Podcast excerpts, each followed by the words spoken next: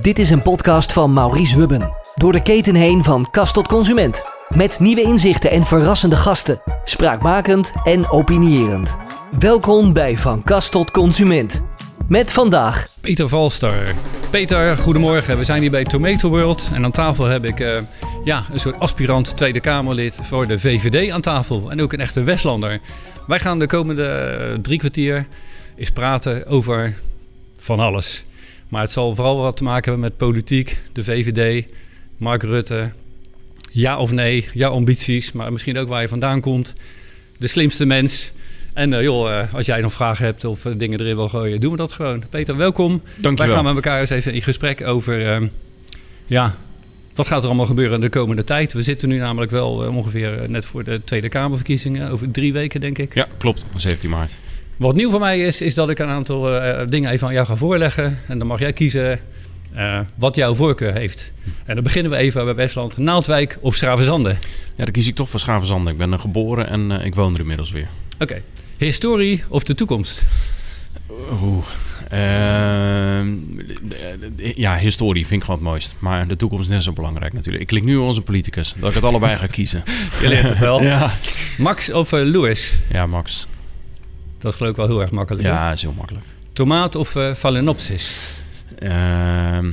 Dan denk ik dat op lange termijn de tomaat toch eh, belangrijker is.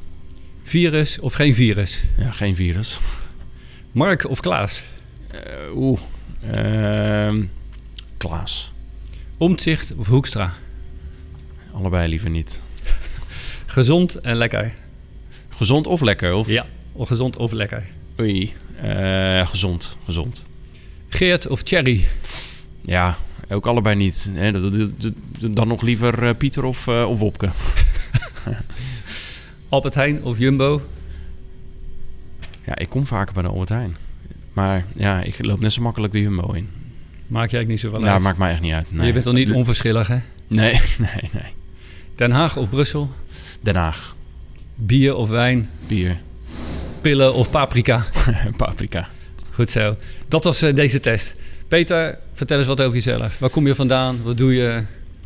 Wat wil je kwijt? Ja, eh poeh. Eh, Peter Valster, 35 jaar. Ik ben geboren en getogen Westland. Ik woon er nog steeds. Ik heb... nee, ik ben geboren in Schravenzanden. Ik ben toen naar Terheide verhuisd. Daar ben ik opgegroeid. Daar heb ik in ieder geval mijn hele jeugd gewoond. Toen ben ik verhuisd naar Wateringen. Ben ik bij mijn vader gewoond. Want een kind van gescheiden ouders.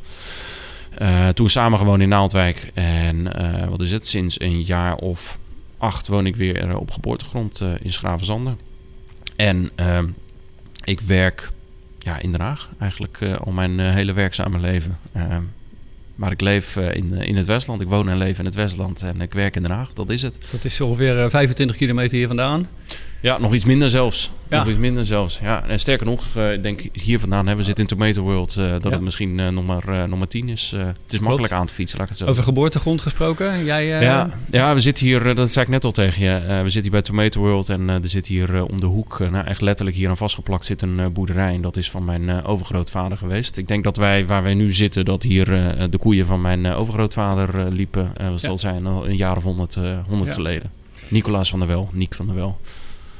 Ik gaf net aan bij de introductie eh, de komende verkiezingen aan. En eh, jij moet eh, campagne maken, of dat wil je, bekender worden, et cetera. Ja, Dus we zien je naam ineens wat vaker. Ik volg je wel een paar jaar op Twitter. Je bent al veel Mhm. langer politiek geïnteresseerd, lokaal. Maar nu Ja. ga je landelijk. ja. Wat ben je van plan? Wat wil je, wat wil je gaan doen? En hoe pak je het aan? Ja, ja, eerst waarom wil je per se eh, zelf de politiek in? Kijk, ik heb altijd een beetje in de tweede ring eh, gebied verkeerd. Dat is heel comfortabel. Kan je een beetje met je armen over elkaar eh, mensen gaan adviseren. En eh, eh, eh, ja, weet je, zij moeten uiteindelijk eh, eh, het echte werk doen.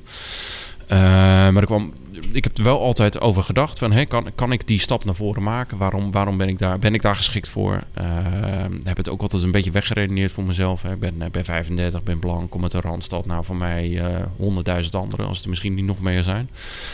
Maar ik dacht vorig jaar ook, ja, weet je, als er een moment komt om het zelf te proberen, dan is dit het moment wel. Dus ik heb gewoon zelf die stap naar voren gezet. Heb jij zelf adviseurs hierin? Nee, nee, nee. nee ik heb wel mensen waar ik ermee over spreek natuurlijk. Uh, voordat je zoiets doet, moet je dat uh, eerst ook uh, sowieso thuis natuurlijk goed bespreken. Want dat heeft ook nog wat een impact op thuis. Was een snel akkoord of niet? Ja, die was eigenlijk sneller akkoord dan dat ik er zelf mee was. Dus dat viel mij, viel mij alles mee. Nou, zij, ja, nou, zij weet ook wel een beetje wat het inhoudt. Hè. Ik bedoel, de afgelopen jaren dat ik daar aan het Binnenhof heb gewerkt... Uh, kwam ik met vaste regelmaat kwam ik s'nachts thuis. Uh, mensen denken dat we daar in Den Haag altijd met het licht aanslapen, maar dat uh, echt niets is minder waar. Het uh, zijn echt lange dagen. Het zijn lange dagen. Even daar naartoe. Wat heb je hiervoor gedaan? Je was politiek adviseur ja. bij, bij, uh, bij, bij, Rutte. Ja. Je hebt uh, bij Defensie dingen gedaan. Ja. Wat is jouw carrière tot nu toe? Poeh, ja. ik, ik, ben... nou, misschien even om, om, helemaal terug te gaan naar het begin. Ik heb een communicatieopleiding gehad. Was tijdens mijn scriptie al gaan solliciteren. ben toen bij Miraculeus terechtgekomen. Hier langs de A20. Miranda. Miranda van Kester, ja, correct. Uh, nou, dat was een uh, heel kort verhaal en dat lag aan mij en niet aan, uh, aan Miraculeus. Want het is gewoon natuurlijk een prachtig bedrijf. maar ik had na drie dagen zoiets van, ik zit hier helemaal niet op mijn plek. Welke functie had je daar? Communicatieadviseur? projectleider. Ja, Oh ja, dus ja. eigenlijk voor mijn gevoel, ik was wel redelijk creatief. wilde wel de vrijheid om zelf dingen te ondernemen. En ik voelde als projectleider dat ik eigenlijk wel een beetje gelimiteerd was in het... Uh, eigenlijk iedereen en alles aan elkaar knopen en uh, vooral uh, de uren natuurlijk bijhouden. Dus dat voelde eigenlijk vrij snel, voelde ik allemaal onderbuik dat, dat, dat het geen lange leven beschoren was. Sterker nog, ik denk dat ik na een week ook tegen Miranda heb gezegd van ja, weet je, een proeftijd dat is natuurlijk ook... geldt, geldt dat ook voor de andere kant. Dus heb ik het opgezegd. Nou, dat was het hoogtepunt van de crisis. Was eind 2009. Dus ik belde mijn toen nog vriendin, uh, middels vrouw, en die zei: Ben je wel lekker? Ben je wel goed bij je hoofd? En dat was het ook een beetje wat ik terughoorde in die tijd. Hè. De ene helft van de mensen die zeiden van ja, het is het hoogtepunt van de crisis. Waarom? Waarom zou je dat doen? Je hebt een baan, waarom zou je dat opgeven? En de andere helft zei van ja, weet je wel, ook respect als het niet goed voelt. moet je het ook niet langer vol blijven houden. Zo zit ik nog steeds in de wedstrijd. Nou, dus toen zat ik werkloos thuis. Gelukkig maar een maandje. Ik zag een vacature voorbij komen bij het VVD-partijbureau. VVD stond toen niet nee, fleurisant voor. Die stond volgens mij 12 zetels in de peilingen. Nou, dat kun je je nou niet eens meer voorstellen. Uh, gesolliciteerd. Twee weken later kon ik op gesprek komen. Uh, dat gesprek duurde een kwartier. Ik met mijn Suzuki Swift, uh, die afgetrapte bak naar Den Haag toe. Een kwartiertje daar gezeten. En toen zei ja, we weten genoeg. En toen dacht ik, nou, oké, dan ga ik weer naar huis. Dan zal het wel niks worden. Toen werd ik op de terugweg werd ik nog gebeld dat ik uh, eigenlijk de dag erna nog... of ik de dag erna terug wilde komen voor het tweede gesprek. Ik dacht, nou oké, prima. Dan komen we de dag erna komen we weer terug. En dat was na twee minuten, ja, je bent aangenomen, je kan beginnen. Het liefst volgende week. Communicatie. Okay. Ja, nou ja, het was, ze noemden het online marketeer, maar dat was omdat ze zelf ook geen idee hadden. Uh, ja, dat, ik weet, ze waren gewoon eigenlijk naar iemand op zoek die uh, en uh, de website kon bijhouden, die een beetje verstand had van online. dus ik heb de sociale media bij VVD opgezet. wat, en en ook, ook die verkiezingen zat ik in mijn eentje, zat ik gewoon echt de webcare te doen. ja, het is tien jaar geleden, dus dat, weet je, dat stond allemaal nog in de kinderschoenen. Heb later nog wel eens gevraagd van, joh, waarom, uh, weet je, het is nog niet eens anderhalf gesprek geweest uh, wat ik heb gehad de, toen ik daar binnenkwam. En ik had het gesprek toen met Boudewijn Revens, die is later wethouder geworden in Den Haag.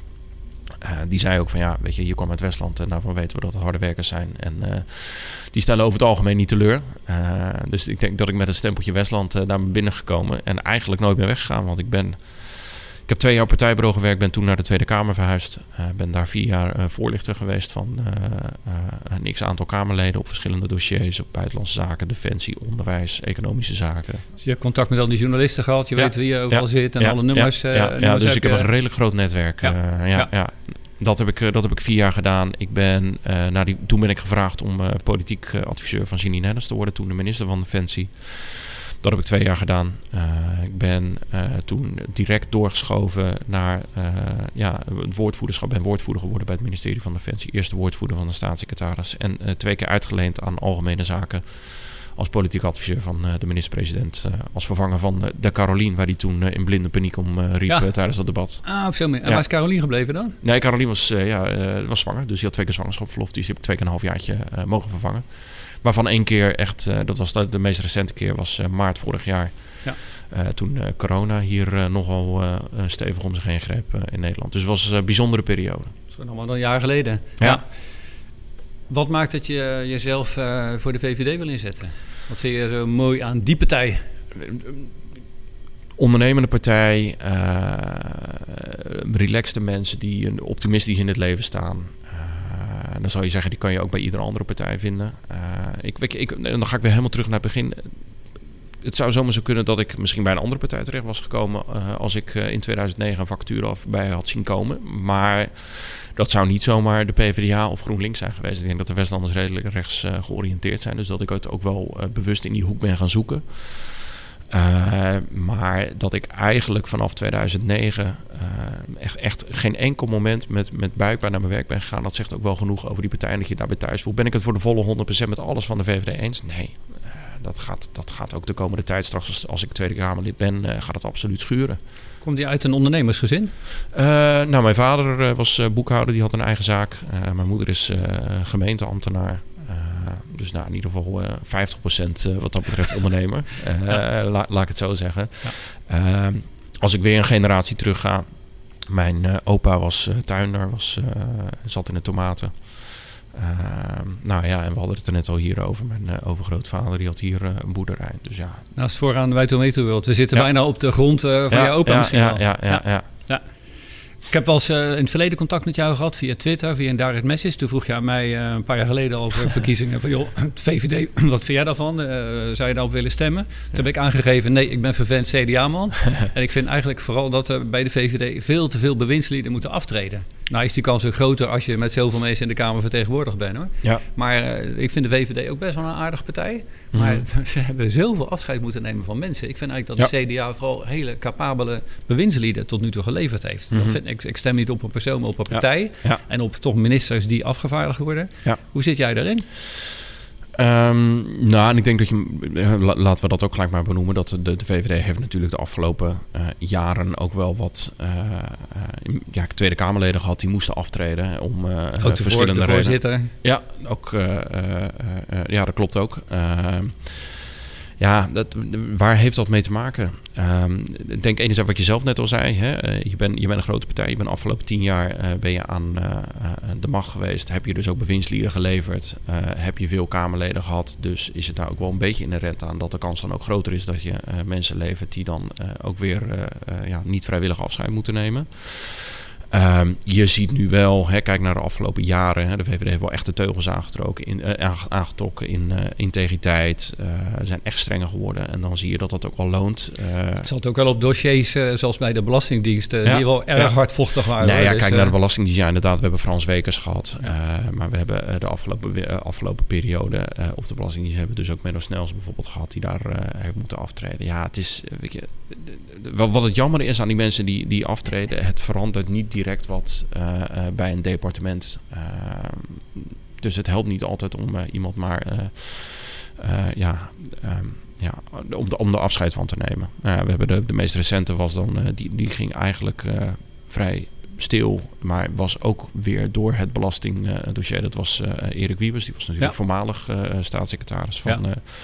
Uh, financiën. Ja, het hoort ook wel een beetje bij de politieke grillen van uh, de laatste decennia. Hè, dat... Maakt het ook wel een hard vak hoor. Ja, nee, absoluut. absoluut. Ja, ik, ik ben, het, het is een hard vak, uh, maar ik denk dat VVD'ers er ook wel ontspannen in zitten. Dus kortom, dat dit niet uh, dat ze hem niet maar krampachtig blijven vasthouden aan het ambt. Uh, dat het ook wel aan het ambt dat het mensen zijn die ook wel gewoon verantwoordelijkheid durven te nemen. En weten van ja, als het fout is, is het fout. En dan is het ook gewoon over voor mij. Moet ik wel conclusie trekken. Ja, ja. nou dat zag ik bij Janine. Ja, ik heb dat zelf ook uh, aan de lijf ondervonden toen ik adviseur was van Janine Hennis als minister van Defensie. Ehm, en dat niet mooi, want het was natuurlijk een, verschrikkelijk waarom uh, de reden waarom ze gingen. Die, de twee jongens die waren omgekomen in Mali uh, door een mortierongeval. maar ik weet nog die avond dat we het debat hadden met de Tweede Kamer. Eigenlijk werd al door, door, door de hele buitenwacht, inclusief de Tweede Kamer, werd al gezegd dat zij moest aftreden. maar, en daar heeft ze uiteindelijk ook wel, ja, wel lichte credits voor gekregen, is dat ze naar de Tweede Kamer is gegaan. Zij heeft de hele avond nog het debat staan voeren heeft alles uitgelegd. Uh, in plaats van, en dat heb je ook vaak genoeg, dat andere bewindsdienen nog wel eens zeggen van nou, uh, succes met je been. Uh, dat debat doe ik ook niet meer. Ik treed bij deze treed ik af. Dus ik vond dat wel de manier van gaan. Uh, Opgeven hoofd en dat maakt de deur open naar een hele goede vervolg van je carrière. Nou ja, sterker nog, ik weet nog die avond dat we dat debat hadden, dat zij op een gegeven moment dat debat zo goed deed dat de journalisten ook naar ons toe kwamen die ook gewoon zeiden van, oh, ze blijft aan, hè, ze blijft aan. Dat, en zij had al lang, en dat was in een hele kleine, kleine kring, was al bekend, had zij al bepaald dat zij zou opstappen, maar niet zonder het debat te doen. Nee. Ja. We gaan even naar een bumper. Ja. En daarna gaan we nog even door naar uh, dat politieke spel waarin jij je gaat begeven van joh, uh, waar zit nou de lol? maar uh, even naar de bumper. Spraakmakend en opinierend. Welkom bij Van Kast tot Consument. Politiek. Hard vak. Wat zoek je daar nou precies in? Waar zit nou je lol om daar eh, op de binnenhof te lopen en af en toe als politicus door de media of door de beeldvorming, framing is het nieuwe woord daarin, te worden afgeslacht? Ik leg het maar even een beetje rauw bij je neer. Ja, misschien ga ik, ga ik over een jaar of over twee jaar denken... waar ben ik in godsnaam aan begonnen? Dat, dat, dat, dat zou zomaar kunnen. Het is inderdaad een hard vak. Uh, sla ik, sterker nog, al zou je uh, een willekeurige krant erbij pakken... en uh, je gaat in strepen, de politieke onderwerpen ga je strepen... dan hou je heel dun krantje over. Dus je staat altijd wel als Tweede Kamer met je kop boven het maaiveld. Ja. Uh, maar ja, wat trekt me... Ja, wat ik eigenlijk net al zei... Het, het, het heeft altijd een soort van thuisgevoel... terwijl ik helemaal niet... Um, terwijl dat niet, niet zo natuurlijk was. Uh, ik ben wel altijd een nieuwsjunkie geweest. Uh, ik weet nog dat ik, als ik van school kwam... Uh, ook als ik van school kwam, dat weet ik nog heel goed. was ik bijvoorbeeld om drie uur s middags thuis. Nou, dan ging ik op mijn fietsje terug naar de. En dan weet ik altijd nog dat ik op het puntje van de, van de salontafel ging zetten. Het eerste wat ik deed was de televisie aanzetten, teletext erop naslaan. wat er vandaag allemaal gebeurd was. Uh, dus dus dat, heeft wel altijd, dat heeft er wel ingezeten. Maar het was helemaal niet zo vanzelfsprekend dat ik in de politiek zou belanden. Sterker nog, die, eh, die eerste twee jaar dat ik bij uh, partijbureau werkte... ik dacht ook van ja, als dit op een gegeven moment over is... dan ga ik gewoon lekker terug naar het Westland. Ga ik hier iets doen in de communicatie. Zat, zat te doen. We hebben ja, al wat verhaaltjes te, te vertellen ja, namens, ja, namens de sector. Ja, ja, nee, exact. Dus, dus nee, dat was helemaal niet zo vanzelfsprekend dat ik in de politiek zou belanden. Dus ik denk dat het wel zo uh, gegroeid is. En dat ik door de jaren heen in het adviseren van mensen... dat ik uh, die opvattingen over bepaalde onderwerpen... dat die wel steeds sterker zijn geworden voor mij. Um, en dat je op een punt komt dat je denkt, ja, uh, ik, ik kan hier niet tweede comfortabele ring blijven zitten. Of uh, uh, ga ik zelf die stap naar voren zetten om ook zelf wat dingen te veranderen. En dan nog, hè, mijn stem is bescheiden. We zitten met 150 Kamerleden. Maar ik heb nu wel een directe stem. En hopelijk straks ook namens het Westland in de VVD-fractie. Dat is wel een mooi uh, bruggetje wat je even legt. Wat kan jij voor het Westland betekenen, mocht je straks, maar dat is volgens mij vrijwel zeker, in die Tweede Kamer terechtkomen? Nou, ik hoop in ieder geval dat uh, de ondernemers... En, en uh, niet alleen voor het Westland, maar misschien wel voor de hele Nederlandse tuinbouwsector. Ja, ja. nou we hadden er net kort voor de opnames hadden we het er ook over. Kijk, wat, wat, wat mijn... Wat, wat, ik heel belangrijk vind is dat we Nederland wat gezonder gaan maken. En ik denk dat het Westland daarin een rol kan spelen. sterker nog, er spelen we wel een rol in met de hoeveelheid aan groenten die we hier uit de kassen duwen. Um, maar ik, ik hoop vooral voor het Westland een, een, een, goede vertegenwoordiger te zijn. Dat als er dingen niet goed zijn. Of, en wat dat is ook een beetje Westlands eigen. Hè? Als er dingen niet goed gaan, dan uh, gaan we een beetje tegen elkaar zitten mompelen. Een beetje binnensmonds van oh, wat is het allemaal? Hè? Wat is het allemaal? Um, en dat wordt in Den Haag niet gehoord. Uh, zeker niet als je geen vertegenwoordiger in Den Haag hebt. Uh, nou, ik ben de afgelopen weken ben ik ook wel uh, veel koffie aan het drinken met de Westlanders. Ik probeer die sector nog beter te leren kennen. Ik bedoel, ik ben nu opgegroeid, maar door de, de, ik rij heel veel langs bedrijven, maar ik ben er eigenlijk nooit binnen wezen kijken. Nou, ik heb nu dat is toch wat anders. Dat is absoluut anders. Ja, ik kom nu bij bedrijven, bij bedrijven binnen waar ik eigenlijk altijd op binnen had willen kijken. Maar ja, als willekeurige Westland, dan ga je niet aanbellen en zeggen: Goh, mag ik even binnenkijken? Ja. Nee, het is niet het hele jaar door, kom nee, kast. Nee, nee, precies. Wat zijn de dossiers? Die je zo eh, binnengefluisterd krijgt van... joh, kan je daar niet wat aan doen? Nee, nou, dat valt eigenlijk nog best mee. Ja, we hebben het natuurlijk over de ODA. Uh, maar ik zou bijna willen zeggen dat dat, dat, dat lijkt wel een gepasseerd uh, station. Dat is een onderdeel natuurlijk van een veel breder klimaatakkoord. En ja, als je als West... Ik, ik bedoel, ik, ik, kan niet gaan doen alsof ik daar als Westlander... als Westlands Kamerlid alles aan had kunnen doen. Um, maar dat is ook maar de vraag. Hè? Ik bedoel, je hebt een heel kaartenhuis, dat is een klimaatakkoord. En als ieder Kamerlid voor zijn eigen regio ergens aan een kaart gaat lopen trekken, dan weten we dat dat hele kaartenhuis voor het, het uh, uh, groener maken van, uh, van Nederland, het terugdringen van de stikstof, dat dat allemaal in elkaar stort. En dat je ja, ook niet verder komt. Maar ik zeg er wel bij, ja, ik vind het ook gewoon lastig om uit te leggen. Ik bedoel, als jij ervoor zorgt met een verhoging op die ODH-belasting, dat anderzijds veel, van die, veel tuinders weer overschakelen op, op gas. Ja, dat kan natuurlijk niet de bedoeling zijn geweest van zo'n uh, klimaatakkoord. Dat is volkomen helder. Ik neem aan dat je dit verhaal vooral bij uh, Robaan Tour hebt gekregen. Nou, niet, niet alleen bij Robaan, ook bij andere. Ik, Mark Ja. Ja, dat is helder. Als Kamerlid, um, word jij nou gezien als de opvolger of ben je de opvolger van Arne Weveling? Nou, de opvolger van Arne Weveling in die zin uh, dat, ik, uh, uh, dat het wel de volgende Westlander wordt in de Tweede Kamer. Net je bent geloof ik wel de enige, hè? de enige Westlander. Ik ben de enige, ja. Er zijn mensen die wel in het Westland ja. zijn geboren. Mevrouw Zwinkels. ja, mevrouw Zwinkels, maar die woont al een paar jaar in Utrecht. We hebben bij, op de VVD-lijst nog een Westlandse staan van origine, dat is Dorien Verbree. Die woont ook al een paar jaar in Leiden. Maar ik ben wel echt de enige geboren, getogen Westlander en die er ook nog steeds woont. Ja. Dus wat dat betreft zou ik zeggen, er is één Westlander maar. ja. nou, en weet me ook, en dat is, dat is belangrijk. En daarvoor ga ik ook langs al die ondernemers. En dat zeg ik ook. Uh, ik hoop hen andersom te kunnen benaderen als ik vragen heb over de sector. Of, of, of als ik dingen wil weten. Maar andersom ook, als dingen niet goed gaan. Weet je, benader mij. Uh, zodat ik dat, die, die stem in de Tweede, tweede Kamer kan zijn voor hen.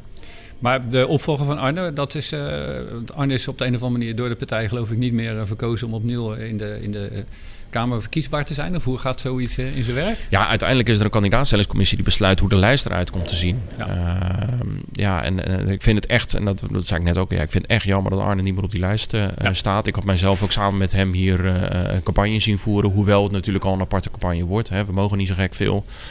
Uh, maar uiteindelijk is het de partij die besluit hoe een lijst eruit komt te zien. Uh, ja, en buitengewoon jammer dat hij daar niet op staat. Dus nee, ja, opvolger van Arne. Uh, in die zin dat er weer een Westlander hopelijk in de Kamer komt. En dat is ook wel redelijk uniek hè, voor de VVD. Want volgens mij hebben we al jaren uh, geen uh, Westlander op de lijst gehad voor Arne. Dus, uh, Niet zozeer, nee. Terwijl eigenlijk CDA in het Westland heel groot is geweest en een voorvechter was voor ja. agrarisch Nederland, ja. lijkt, ja. het CDA, lijkt het de VVD dat een beetje over te nemen. In ieder geval in personen gezien. het is, het is zo'n belangrijke regio. Het is de tweede economie van Zuid-Holland na de Rotterdamse haven. Dat is, nou, dat is gigantisch.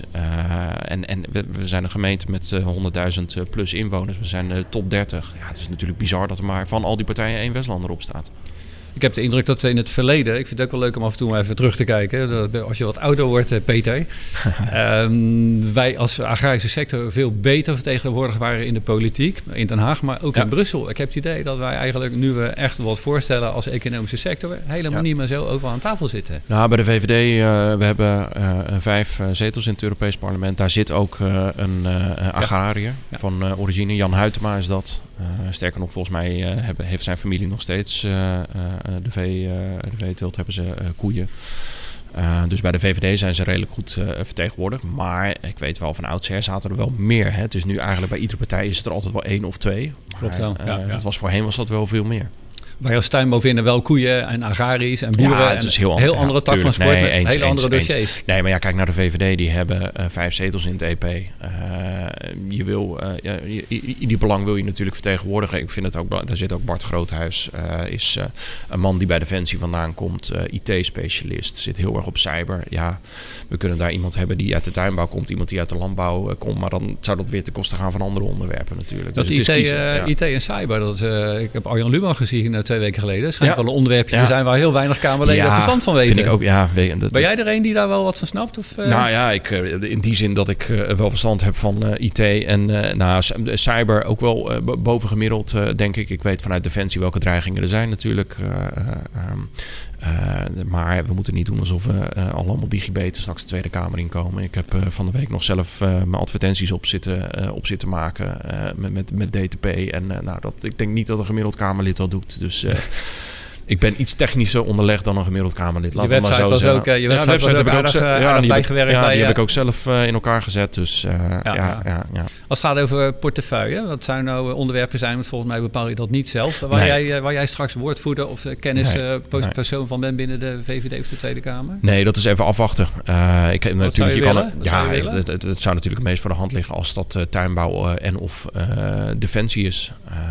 maar het zou zo... En dat is ook af, afwachten. Hè. Stel dat wij straks uh, zouden we 21 zetels halen en ik kom er net in. Uh, dan heb je natuurlijk veel meer te verdelen over uh, minder mensen. Maar stel dat je straks 40 zetels haalt, ja, dan heb je uiteindelijk net zoveel te verdelen, maar dan over meer mensen. Dus dan is het weer vanzelfsprekend dat je bijvoorbeeld maar één van de twee krijgt.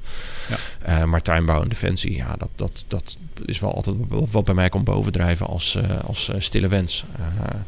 dus ja, dat zullen we moeten afwachten. En dat eh, geef je al ergens op uh, wat je zelf nee? Nog, dat gaat, helemaal niet? Nee, dat gaat straks als 17 maart de verkiezingen zijn geweest. Hier wordt uiteindelijk geïnstalleerd. Uh, dan wordt eerst de portefeuille verdeeld totdat er een nieuw kabinet zit. En dan komt er eigenlijk een, definitie, of een definitieve verdeling gaat plaatsvinden. En dan zul je horen wat je, de, wat je krijgt. Ja, ik, ik, ik hoop dat mensen mij Westland gewoon zien als tuinbouw. En dat tuinbouw ook bij mij goed toevertrouwd is. maar dat denk ik wel.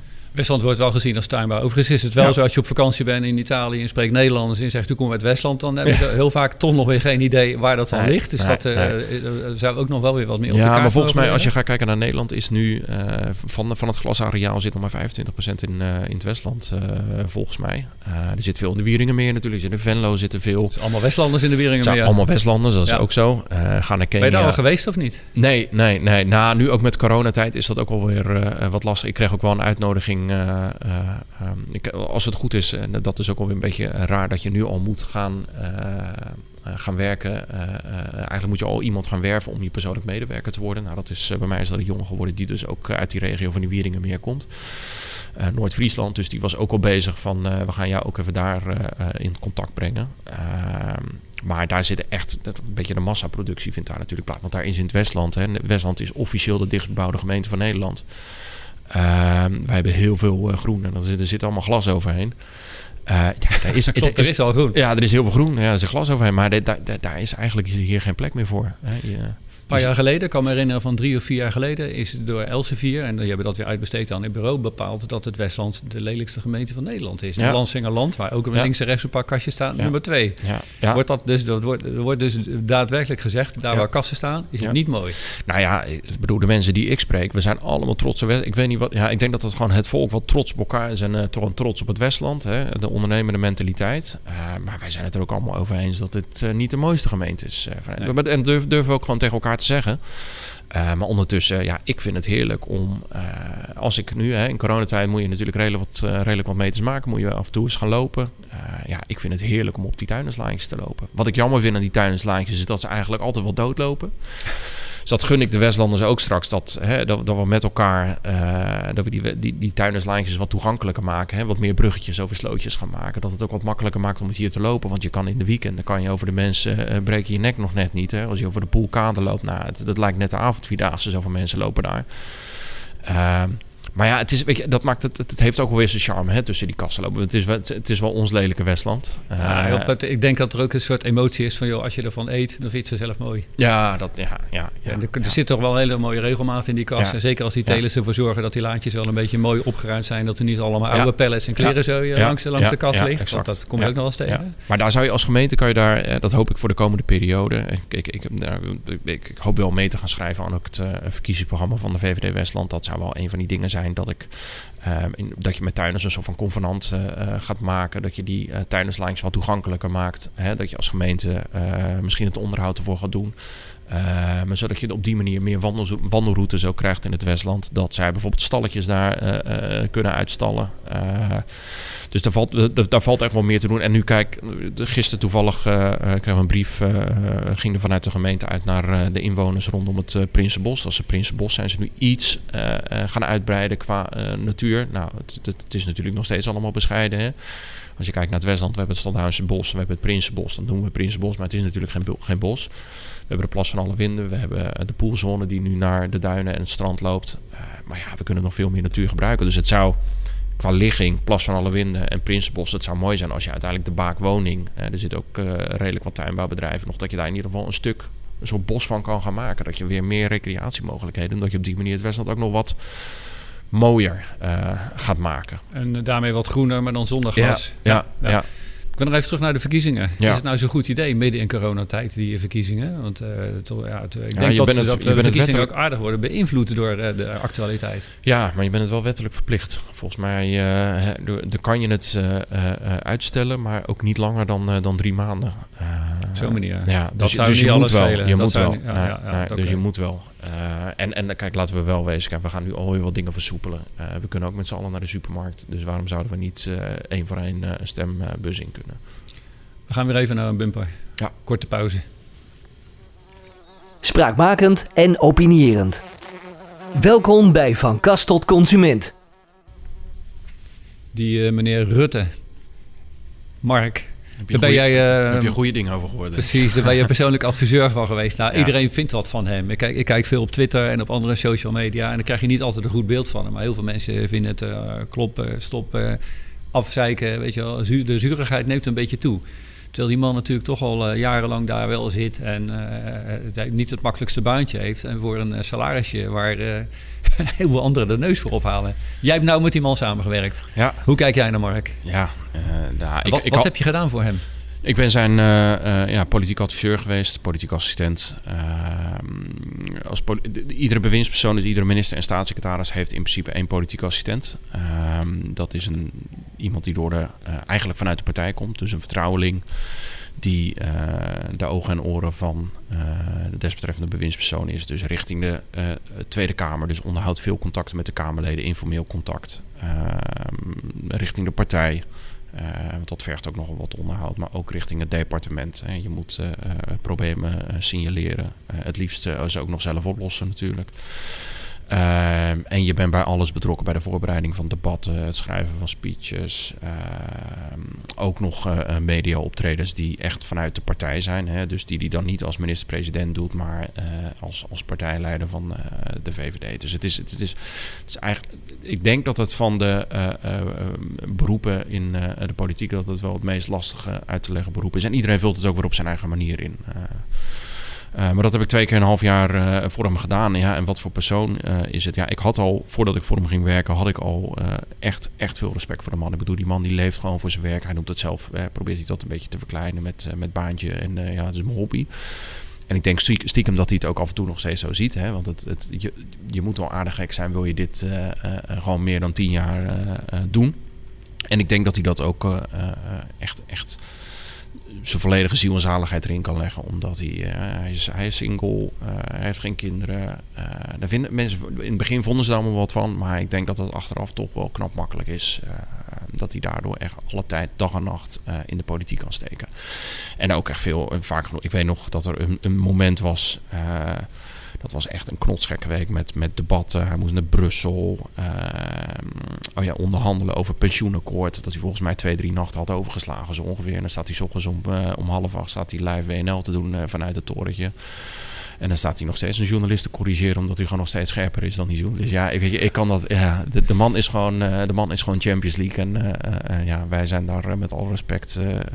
derde divisie zondag amateurs af en toe bij. Ja. Hij zit graag op de fiets, zag je Ja. niet de racefiets, maar Ja. ben je wel eens met hem meegefietst? eh, Nee, nee, nee, of, nee, eh? nee, nee. Ja, ik bedoel, ik moet niet doen alsof ik nu iedere week op de fiets naar Den Haag fiets. Want dat is niet het geval. Het is, met mijn dorpsfiets is het gewoon drie kwartier, vijftig minuutjes fietsen. Ja. Ik vind met de racefiets vind ik dan net weer, eh, vind ik net weer te veel gedoe. Dan moet je weer in dat, eh, in dat strakke pak hijsen en dan moet je weer omkleden. En dan ben je, je bent langer met omkleden bezig dan dat je op de fiets zit. Dus eh, nee, nee, ik... eh, Nee, ik ben niet met hem meegefietst. Maar ja, dat is. En dan denken mensen dat dat ook natuurlijk weer een. een, een eh, Mediaverhaal Ja, is. media Ja. dingetje is van. Maar ja, nee, die man die, hij houdt gewoon van fietsen, is graag buiten. eh, in- Woont blijkbaar niet te ver van eh Binnenhof. Nee, klopt. Ik denk dat dat, eh, het zal zijn een kwartiertje, 20 minuutjes fietsen voor hem. Dus Heb je ja. zijn telefoonnummer? Ja, Dus ik ben nu één telefoonnummer van Mark verwijderd. Wat vroeger Ja. één handdruk was, is ja, nu eh, een ja, telefoonnummer. ja, ene hand, ja, ja, ene handdruk mag nu niet. Maar ja. Nee, nee, klopt. Ja, weet je, ja. En dat is ook als je voor hem werkt, dan, dan spreek je hem natuurlijk eh, op dagelijkse basis. Maar ook, ik weet ook nog dat ik, eh, eh, had ik een van die spaarzame momenten dat ik om half twaalf s'avonds eens tegen mijn vrouw eh, eh, aanlag. En dat een belde hij ook weer. Nou, normale mensen die zeggen, ja, sorry dat ik bel op dit laatste tijd. Hij begint gewoon gelijk te zenden. Dus ja, dat hoort er ook bij. Er wordt van hem gezegd dat hij weinig visie heeft. Als premier. Hoe zie je, eh, vind je dat ook? Of kan je in deze tijd Ja, hij was gezegd dat visie, hebben? volgens mij een beetje een vies woord is. Hè? Eh, Ja, nou ja, ja. nee, nou, ja, kijk, als hij geen visie had gehad, dan had hij al niet tien jaar lang hier de minister-president van het land geweest. En ook, bedoel, moet, dat, dat vergeten we ook snel. Hè? We komen uit een ongelooflijk diep dal. De crisis die we natuurlijk al gehad hebben. Hè? Het ging voor het eerst sinds jaren dat we weer gewoon echt goed ervoor stonden. De economie ging goed. Eh, we stonden er ontzettend lekker voor. En toen kwam corona eroverheen. Eh, dus ja, laten het is me heel makkelijk zeggen, ja, nu geen visie, we, we hebben nu geen visie om uit die coronatijd te komen. Nou, volgens mij is de enige visie die we nu moeten hebben, zo snel mogelijk uit die coronatijd komen. En dan gewoon weer eens een beetje eh, normaal het land aanslingeren.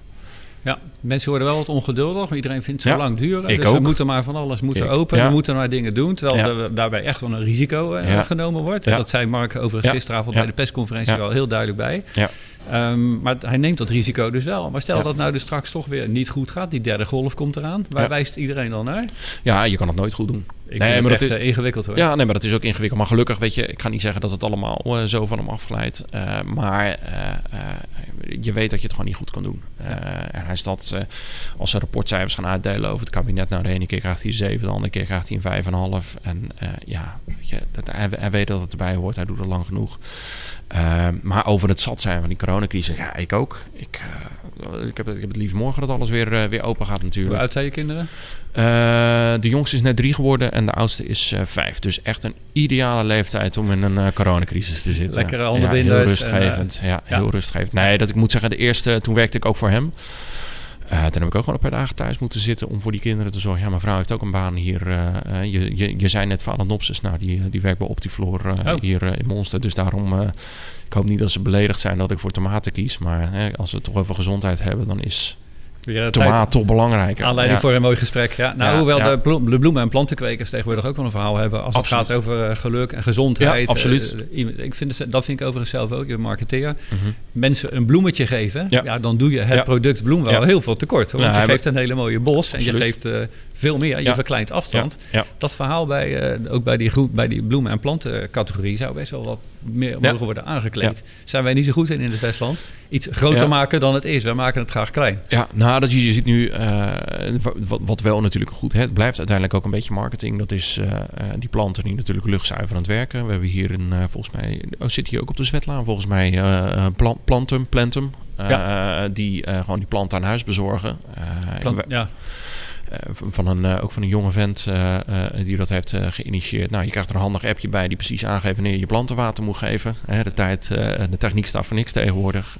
Maar ik, ik, ik heb ook in die coronatijd, ik heb echt mijn huis volgegooid met planten. Het maakt het wel, een, een, ja, je flirt daar letterlijk zelf ook van op. Nou, we, ga iedere week wel naar de markt. En afgelopen vrijdag naar de markt in Schavenzand. Dan haal je ook gewoon een bosje rozen die je gewoon op tafel zet. Het, het maakt het eh, allemaal wel net even wat gezelliger in huis in plaats van die saaie eh, grijze muren. Ja, ja, en misschien de tuin straks ook weer. De tuincentra Ja. beginnen ook natuurlijk Ja. te roepen van Ja. jongens, eh, we moeten open, gun mensen van alles. Dus Ja. de, men wordt Ah, je ziet dat die wel, eh, weet je, die, die zijn ook wel eh, in, die zin open. Ze staan wel op de parkeerplaatsen allemaal wel eh, te verkopen. Het is natuurlijk ook allemaal geen luxe, want je wil natuurlijk je hele tent kunnen uitstallen daar. Maar eh, ik ben zelf afgelopen weekend eh, nog naar eh Boersie in de Maasdijk geweest om daar ook eh, weer eh, eh, een beetje planten eh, te halen voor mijn tuin. Want dat is ook gewoon voor de deur bestellen of zo? Of eh, uitzoeken wat daar staat? Nee, ze hebben daar, eh, wat is er van die tuinerskarren, hebben ze een paar staan. Dat zijn, weet je, dat, wat ik al zeg, het zijn er ook niet veel. Het zijn er drie of vier eh, zo ongeveer. Eh, Ongeveer voor de dan- deur. Ja, echt voor de deur. En Ja. dan eh, is het ook gewoon echt voor de deur eh, zo ongeveer afrekenen en weer wegwezen. Nog even terug naar deze tijd van eh, verkiezingen die eraan zitten te komen. Ja. Eh, je, moet, je bent nu een beetje aan het warm draaien, kennis maken, Ja. na- namaken. Maar je hebt ook nu nog een baan volgens mij. Eh, wat, wat, wat is je huidige baan? Ja, ik ben woordvoerder van de staatssecretaris bij Defensie. Ik ben dat eigenlijk... Wie is dat ook weer? Dat is Barbara Visser. Dat Ja? is die van de Marinierskazerne. Ja. Precies, Zee-. Zeeland. Klopt. Voor de rest hebben we inderdaad niet zoveel van gehoord. Nee, maar dat is ook een beetje de onder... Kijk, Defensie is gewoon geen eh, politiek departement. We hebben geen wetgeving. eh, we hebben geen moeilijke wetgeving waar we over struikelen. Nou, en als er dan mensen struikelen, dan zijn het echt over dingen die eh, nogal... ja, dus nogal, nogal wie, dus laat ik het zo zeggen. Er Dat is heel veel op bezuinigd ook, hè? er is afgelopen jaar, nou, tot 2014 is daar echt continu twee of drie decennia lang is daarop bezuinigd. Die begroting is nu weer een, een stuk omhoog gegaan. We geven als percentage van het binnenlands product eh, nog steeds niet gek veel uit aan defensie. Eh, maar als, als Defensie in het nieuws is, dan is het omdat er dingen mis zijn. Nou, voor de minister was dat eh, bombardement eh Hawija. hè, dat er een, Nederlandse F-16 een, een, een wapenfabriek of een bommenfabriek uitnam met wat collateral damage. Dat zijn eigenlijk de twee belangrijkste politieke debatten geweest voor Defensie in ieder geval de afgelopen vier jaar. Dus dat bombardement op Hawija en de Marinierskazerne. Maar nee, ik ben eh, eh, eigenlijk in het dagelijks leven woordvoerder van de staatssecretaris, de eerste woordvoerder. En, maar dat heb ik wel eind vorig jaar, begin dit jaar, heb ik dat op afstand gezet. Ik had nog veel verlofdagen over, dus ik zit nu gewoon in mijn verlof. Dus ik heb ook alle tijd om aan mijn eigen campagne te werken en kennis te maken. Eh, Eh, maar dat zit er straks, ja, ook een beetje met, met een dubbel gevoel zit dat er wel op, uh, op 18 maart. Dus dan, dan, het is heel gek om te zeggen, maar dan hoop ik mijn ontslagbrief naar Defensie te kunnen sturen. Ja, ja. je hebt hem al klaar liggen? Nee, nee, nee, nee. Nee, heb ik nog niet klaar liggen. Dat, nee, nee. Europa.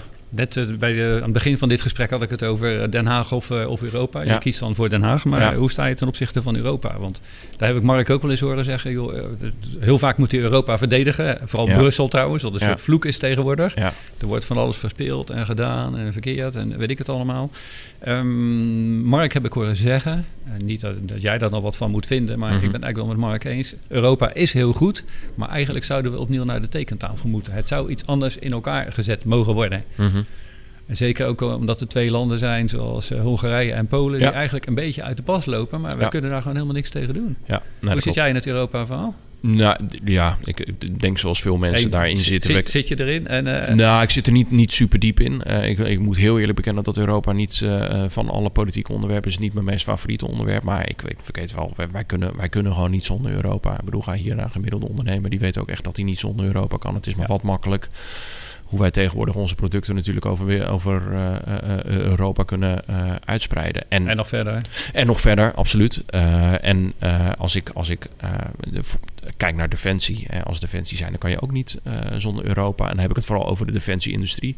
Want wij moeten niet denken dat we hier nog een zelfscheppende industrie hebben. Dat wij maar hier of, of, of wapens gaan maken of schepen. Nou, schepen kunnen we nog wel maken hier, maar dat is ook allemaal geen vetpot. Daar zul je echt de samenwerking in Europa over moeten opzoeken. Maar zijn er veel dingen, zijn er dingen die beter kunnen in Europa? Ja, absoluut. Wat je net zelf al zegt, er zitten een aantal lidstaten bijgekomen. Waarbij je natuurlijk moet afvragen, hadden we dat wel moeten doen? Heb ik het niet eens over Albanië? Nee, nee, nee, nee. Uh, en, maar ook, ook de zuidelijke landen. Hè. Uh, ik bedoel, daar, daar, hebben we al maar wat uh, keren natuurlijk steun naartoe moeten sturen. Omdat dat toch een andere mentaliteit is dan wij die hier een beetje in het noorden en het Midden-Europa op nahouden. Zouden we niet naar twee Europa's moeten? Ja, Noord- en Noord- Zuid-Europa. Zuid andere muntunies. Ik heb weinig verstand van geld hoor, maar ik, ja. ik hoor af en toe mensen dingen roepen. En, ja. zijn daar ideeën over? En heeft Mark daar ideeën over? Of de VVD? Ja, nou, laat ik dat zo zeggen dat dat iets makkelijker gezegd dan, uh, uh, dan gedaan is. Dat kan ik me voorstellen. ja. ja. Weet je wat ik wel vind? We hebben een Europa, nee, zo'n president achter de rug bij Amerika. Die heet meneer Trump. Ja. Die heeft naar mijn idee, en dat vinden anderen ook wel, niet zo heel veel goed gedaan. Maar die heeft er wel voor gezorgd dat wij bij Europa elkaar weer een beetje meer zijn gaan opzoeken. Van we moeten ja. samenwerken. Ja, los ja. van dat de Engelsen apart zijn gegaan. Maar die zijn ook een beetje van de koude kermis teruggekomen. Want die waren vriendjes met Trump, maar minder met Biden. Maar ben je ook Trump dankbaar voor dat hij Europa wel weer wat meer het besef heeft gegeven van jongens, ja, we, we zullen het toch echt zelf moeten doen. Ja, nou ja. Dat, ook op defensiegebied. Ja, absoluut. Nou, sterker nog, op defensiegebied. Uh, want het heeft wel in Europa in ieder geval de ogen geopend van... goh, die, uh, die Amerikanen waar we altijd uh, voorheen zo makkelijk op konden leunen. En dat is allemaal niet zo vanzelfsprekend. Hè? En dat moet je straks met Biden ook maar afwachten. Ja. die zal misschien ook zeggen: jongens, ga maar even lekker zelf je boontjes stoppen. En ja, geef ze eens ongelijk. Als je kijkt naar het percentage. toch altijd hoor. Ja, kijk als het percentage. Uh, dan hadden we het net al over het percentage van het BBP wat we eraan uitgeven. Dat is nu door de coronacrisis is dat wat hoger. maar ja, dat moet natuurlijk nog steeds veel meer worden. En ook in Europa zijn. Je moet daar. en, en ik ben tegen een Europees leger. Want je gaat niet onder Europese vlag je mensen straks ergens naartoe sturen. Uh, maar je, het kan ook niet zo zijn dat de Amerikanen maar eh, in hun eentje binnen de NAVO uh, natuurlijk uh, iedere keer voor iedereen maar weer op blijven komen. Kastanjes uit het vuur halen, ja, et cetera. Ja. Nee, nee, Ik wil nog even, we gaan een klein beetje afsluiten. We hebben nog een minuutje of vijf. Mm -hmm. Klaas, Klaas. Dat is je favoriet. Oh. Klaas uh, heeft uh, ooit een uitspraak gedaan. Dat zit dus ook een van jouw eerste tweets, uh, als ik jou op Twitter volg. die was de slimste mens. Ja. Maar die vond Peter Vals echt het ja. slimste, slimste, jongetje van de fractie. Of wat dan ook. Ben, jij, ben jij zo slim? Nee joh.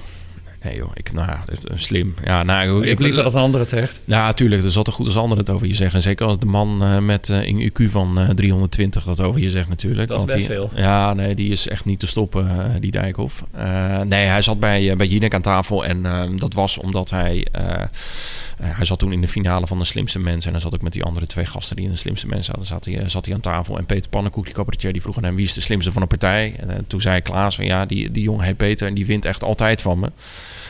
Uh, en het mooiste erachteraan zei hij nog: uh, uh, Het is de slimste man van het Westland. Nou, toen wist ik dat sowieso niet klopt, natuurlijk, want dat ben ik sowieso niet. Er zijn veel slimmere Westlanders hier.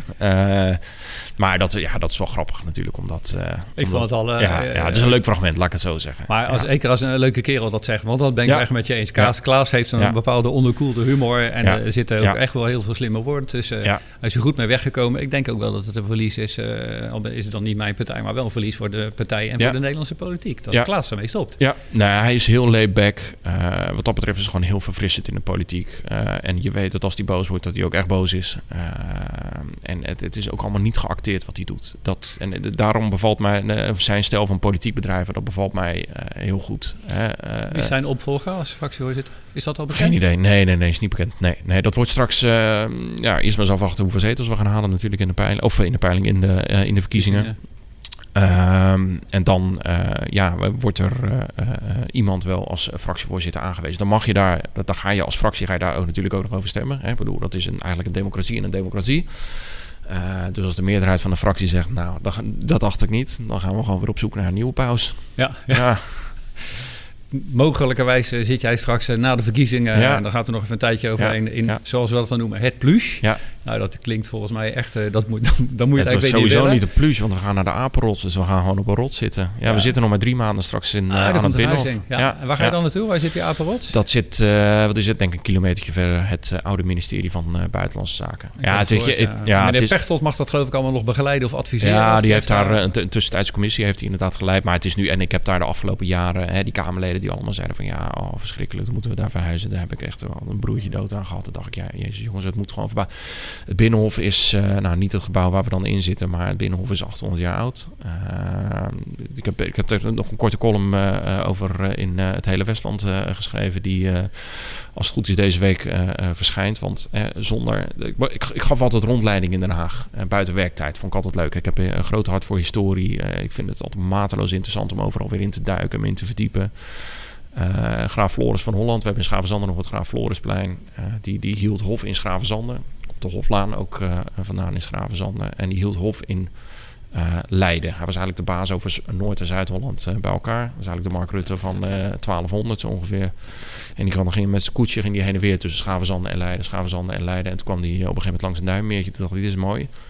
Een stukje heeft hij gekocht, een stukje grond. Nou, dat duimmeertje, dat is uh, de Hofvijver geworden. En op de plek uh, naast de Hofvijver, daar is zijn uh, kleinzoon begonnen met de bouw van de Ridderzaal. Nou, dus weet je, zonder Schravenzanden had daar nooit een Den Haag geweest. Dus in die zin is het toch jammer dat ik niet meer op dat stukje historische grond straks zit. Of drie maanden. maar ik heb er ook lang genoeg gewerkt. En ik hoop straks uh, nog steeds in ieder geval over het Binnenhof zelf ook nog een beetje rondleidingen uh, kunnen geven. Dus de Westlanders die graag een rondleiding van mij willen, die uh, weten me vast te vinden. Mooi. Ja. Nog even tot slot voor aan de luisteraars van deze podcast. Maurice Wubben van Kast tot Consument. Nou, is dit, ja, dit zit ook tussen die kast en die consument. Kast tot consument en politicus. Maar wat, heb je nog een hartekreet aan de luisteraars van deze podcast? Wat moeten ze doen? Wat mogen ze doen? Wat kan jij voor ze betekenen mm. de komende, mocht je in de Tweede Kamer komen, wat eruit ziet? wat er nou, weet mij in ieder geval de komende jaren ook te vinden. Dat, is, dat is het mooie aan... Waar kunnen ze je vinden? Uh, Twitter, uh, sowieso mijn website www.petervalster.nl. Als je daar komt, dan staan de contactgegevens onderin. Maar weet hij ook in ieder geval de komende jaren te vinden. dat ik dat, als Tweede Kamerlid, je, je, je, controleert de regering, maar je bent volksvertegenwoordiger. dat betekent ook dat als onrecht wordt aangedaan. En dat, we hadden het net moeten kiezen tussen Pieter Omzicht en Wopke Hoekstra. Nou, Omtzigt heeft wel één ding laten zien, in ieder geval dat je ook echt een volksvertegenwoordiger kan zijn. Dat heeft uh, op dat dossier echt veel te lang geduurd, uh, uh, helaas. maar dat is waar je als Tweede Kamerlid ook voor bedoeld bent. we moeten niet 150 Pieter Omtzigt straks in de Tweede Kamer want dan wordt het land onbestuurbaar. maar als er echt ergens onrecht wordt aangedaan, en dat is aantoonbaar en dat is te bewijzen, weet mij dan ook te vinden. Want dan ben ik in ieder geval de kortste weg om het te kunnen aankaarten in de politiek. En andersom ook, je mag me ook gaan benaderen om af en toe eens een compliment te geven. Dat is ook prima. Dat is ook wel eens lekker, hè? Ja, ook als je in de politiek zit, kan ik me voorstellen. Nog even als laatste, want wat ga je doen als je Tweede Kamerlid bent? heb je een aantal uh, portefeuilles, uh, deelgebieden waarop je woordvoerder of uh, het, het allemaal weet. Maar wat, wat, doe je nou de hele dag? Vergaderen, wetten voor, bedenken, schrijven, coalities vormen? Wat doe, wat doe je precies? Wat doe je de hele dag? Nou, ja, dat verschilt natuurlijk per departement wat je eigenlijk min of meer onder je hoede krijgt. Als je defensie krijgt. Uh, ik, wat, je, wat je eigenlijk, als je kijkt naar andere partijen, die hebben uh, bijvoorbeeld D66 heeft uh, 15 of, of iets meer zetels. Dan ben je echt vol, volwaardig woordvoerder van Defensie, maar dan doe je er ook nog wat bij. Ehm, je kon de brieven uh, uh, die binnenkomen vanuit uh, het departement, die lees je van, van haven tot gort. die betrek je bij de debatten. Je hebt regelmatig debatten over onderwerpen. Als ik bij Defensie kijk, heb je een debat over materieel. Je hebt een debat, over personeel. Dan heb je ook af en toe nog eens debatten over onderwerpen die komen oppoppen. een debat over straks debat over, straks debat over gezonde voeding en pillen Ja, maar dat debat over gezonde voeding, dat is niet eens op zichzelf staand. En dat, dat, dat is, hè, daar hadden we het net ook over, wat, wat mijn... Nou, droom vind ik altijd, uh, visie en droom, vind ik altijd een beetje raar. Maar wat ik Nederlanders wel gun in ieder geval, is een iets gezondere uh, levensstijl. Uh, iets gezonder eten, meer sporten. Dat is ook wel een beetje waar het. nou, ik hoop dat, dat er in deze coronatijd dat wel meer Nederlanders zijn gaan sporten en gezonder zijn gaan eten. Um, want we zijn nu natuurlijk aan de achterkant zijn we aan het deppen met medicijnen. Er wordt bijna 100 miljard wordt uitgegeven aan, aan onze gezondheidszorg. Het zou natuurlijk mooi zijn als je en de Nederlanders wat gezonder maakt. Je maakt ze energieker, je maakt ze productiever. Je helpt de Westlandse sector uh, volgens mij nog een stuk door meer groenten te gaan eten. Uh, en het, het, zou mooi zijn als we de, uh, gezondheids, de, de, kosten van de gezondheidszorg een stuk omlaag zouden kunnen brengen. En hoe zou je dat als Kamerlid kunnen beïnvloeden, kunnen beetpakken? Eh, ja, dat kan, dat kan op verschillende manieren. Ik denk niet dat we dingen moeten gaan verplichten. Ik gun uh, iedere Nederlander nog steeds zijn biefstuk of uh, nou zoals ze dat noemen, de, de, de gehaktbal. ik denk dat er wel al een goede weg is ingeslagen dat Nederlanders minder vlees gaan, gaan eten. Overigens vergeet ik daar nog een aspect bij. Hè? Als je minder vlees gaat eten, heb je ook minder stikstofuitstoot. Ja. Um, uh, maar ja, wat is de manier? Dat, dat, dat is niet van we gaan nu aan één bel trekken en daarmee is alles uh, geregeld. Dat moet op verschillende manieren. Daar heb je de supermarkten bij nodig. Ik zie dat bij Albert Heijn zie je nu. Hè, met de labels, die zijn er heel bewust mee bezig met uh, bordjes vegan erbij te plaatsen. Als je naar de koekjes gaat, dan zie je de bordjes van hoeveel, of, hoeveel suiker er in bepaalde koekjes zit. In de een meer dan 20 procent. in sommige koekjes minder dan 5 procent. Nou, dan ben je als consument ook meer geneigd om voor dat gezondere alternatief te gaan. Um, maar de grootste uitdaging blijft natuurlijk van hoe zorg je ervoor dat ze s'avonds een gezonde kost op tafel zetten. Ja, we zijn niet allemaal een sterrenkok uh, en hebben ook niet altijd de tijd om uh, gezond te gaan koken. En Robaan zegt dan, nee, we hebben wel die tijd. Alleen ons wordt verteld dat we daar geen tijd voor hebben. Ja, we maken die tijd niet meer. Nee, we maken die tijd niet meer. Maar als ik, uh, nou, den, als ik bijvoorbeeld s'avonds om 7 uur, 8 uur, en ik denk dat ik vaak niet eens zo laat thuis ben. Ik denk dat ik veel later nog thuis ben straks. Uh, ja, dan ga je niet nog op je gemak even lekker een avondje staan kokerellen. Het is nog slecht ook, want volgens mij moet je na acht uur is het wel aan te raden om niet meer uh, te eten. Ik ook. hoor ik ook steeds vaker. Ja, ja. ja, hoef je niet eens voor te intermittent vasten, maar nee, nee. het is gewoon dat... nou, je hebt, je hebt nu ook HelloFresh is natuurlijk ook wel eens een goed alternatief om in ieder geval wat gezonder wordt het eigenlijk panklaar wordt het aangeboden. Klopt. En de gezonde maaltijdboxen, de, ja. de soeppakketten, ja, de, soeppakketten. De ja, maar je gaat ook niet iedere avond alleen maar soep zitten eten natuurlijk. Hoewel, er, er zullen uitzonderingen zijn. Maar um, ja, dat zijn, daarom zeg ik, als je, als je wil kijken om Nederland wat gezonder te maken, meer aan het sporten te krijgen, dan, dan zal je meerdere dingen moeten doen om dat uh, te stimuleren. Er eraf. Ja, dat is ook iets waar je het wel over kan hebben. Hè. Gaan we, uh, ik, ik vond het echt, echt jammer dat de BTW van 6 naar 9 procent ging op uh, groente en fruit. terwijl ik eigenlijk vind dat het juist de andere kant op moet gaan. Hè. Het liefst, minister Schouten die, gaf aan dat binnen, Europa, binnen Europees verband niet kon. En dat dat de reden is dat die BTW omhoog moest. Mm -hmm. Voor rest heb ik daar nooit iets over gehoord, maar dat was de reden. dat kan ik me echt vrij slecht voorstellen, maar dat is wel, wel wat zij aangaf. Ja, nou ja, dan, dan kan je uh, uh, er vast blijven houden en denken van nou, hè, Europa heeft het verteld, dus laten we het daar maar bij laten. Of je gaat er gewoon uh, wel, of sterker nog, je gaat de boer op in Europa en kijken of je dat op de een of, een of andere manier zou kunnen veranderen. Ja, ik snap hem. We waren al een beetje aan het afsluiten. We hebben toch ja. nog even lekker een goede naamronde ja. gehad. Ja, jij was bang dat we het nergens over uh, konden hebben. Hè? ik, ben altijd, ik ben altijd zo bang. ja, ja. Nou, we hebben hier als twee mensen uh, elkaar spreken die uh, wel lekker kunnen lullen. Ja, dan, dan krijg je dat. Ik wil je bedanken dat je tijd wilde maken in deze warmdraaiperiode voor jouw kamerschap. Um, jij bedankt. Ik, Kom ik nog eens ergens. Precies. Als het allemaal lukt en je zit straks in de Tweede Kamer en je hebt een paar maanden ervaring, dan Doen zou ik het misschien nog wel eens leuk vinden om dit te herhalen. Ik, wat ga je verder nog doen vandaag? Uh, ik heb vanmiddag nog een uh, interview met de Defensiekrant. En verder is het vrij rustig vandaag. Ja, ik heb altijd wel dingetjes te doen natuurlijk voor de eigen campagne. Hè. ik moet nog wat, dat zei ik net ook, ik moet zelf nog wat advertentietjes. doe ik ook gewoon zelf in elkaar draaien.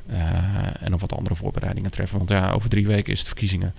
Dus ik ga vanaf volgende week veel borden de grond inslaan uh, hier in het Westland. Ik hoop dat ik uh, nog zichtbaarder ben. Uh, althans, ik hoop dat mensen mij in ieder geval gaan, gaan zien. Hier ook dichtbij langs de Middelbroekweg komt straks twee grote banners van 2 bij 3 te hangen. Uh, alleen, en dat heb je natuurlijk nu ook in campagne, moet je de afweging maken. Waar ga ik het meeste op inzetten? Ga ik het volledig op sociale media inzetten? Want de mensen horen eigenlijk niet zoveel meer buiten te komen. Maar dat is voor het Westland is dat denk ik wel anders. Ik bedoel, hè, ik hoef jou niet uit te leggen dat dit een sector is waar veel mensen gewoon niet thuis kunnen werken. Ja, het is hier niet stil op straat hoor, nee, je kan niet thuis achter je laptop uh, ervoor zorgen dat die tomaten van die plant afrollen. Echt dus, niet. Nee. Echt niet. Nee. nee.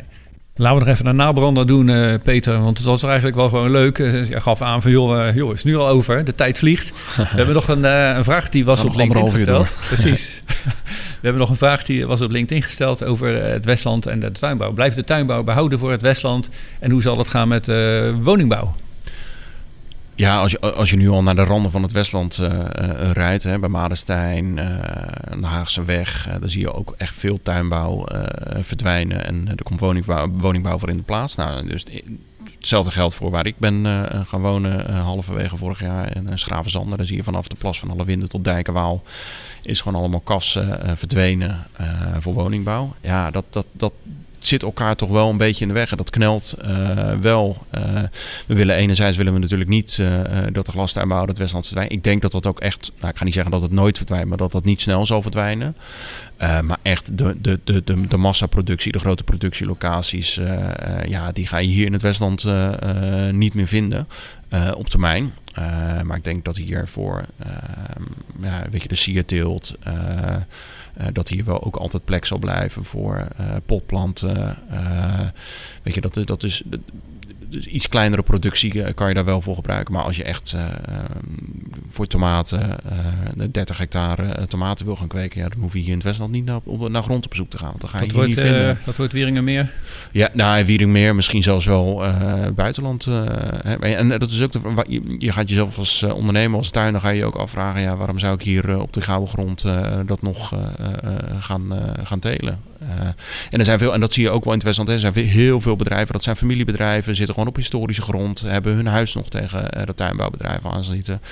Ehm, dus dat het ook vaak een reden is om niet uh, uit het Westland weg te gaan. En je ziet ontzettend veel bedrijven in het Westland die dan gewoon meerdere locaties hebben. Nou, ik had het net over Optifloor. Die hebben volgens mij... Uh, zeven. Ja, zeven. Uh, hebben onlangs weer een stuk bijgekocht.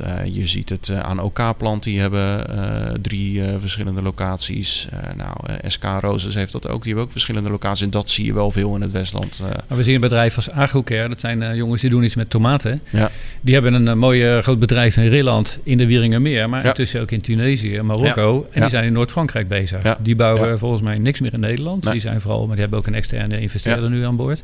Die bouwen nu vooral in het buitenland. Dus die telen in Frankrijk tomaten voor de Fransen. En hopelijk straks in Duitsland tomaten voor de Duitsers dat is misschien ook wel een model waar we naartoe moeten. Maar dan moet je wel bedrijfsleiders hebben die daar willen gaan wonen. Teeltmensen die toch bij Agrocare passen, maar die daar wel willen wonen. Ja, en ik denk dat het Westland wel altijd wel een kweekvijver blijft wat dat betreft. Wat uh, mensen. En je ziet wel, en dat was wat je net al zei, ook in de Wieringenmeer, hè, de bedrijven die je daar ziet, er lopen wel altijd Westlanders rond. Dus uh, dit is wel echt een beetje de geboortegrond van de kas. Uh, Westlanders zitten over de hele wereld. In de kassenbouw, in de teelt, als bedrijf, als, als manager. Wij, wij, wij, we kunnen wel iets heel goed. We kunnen het alleen niet als heel goed uitleggen. Nee. Hard werken kunnen we goed praat iets minder. Dit was de nabrander. Uh, ik ben een uitzondering dan volgens mij. Ja. Alleen, maar, alleen maar geluld. Dankjewel. Dankjewel. Dit is een podcast van Maurice Wubben. Door de keten heen van kast tot consument.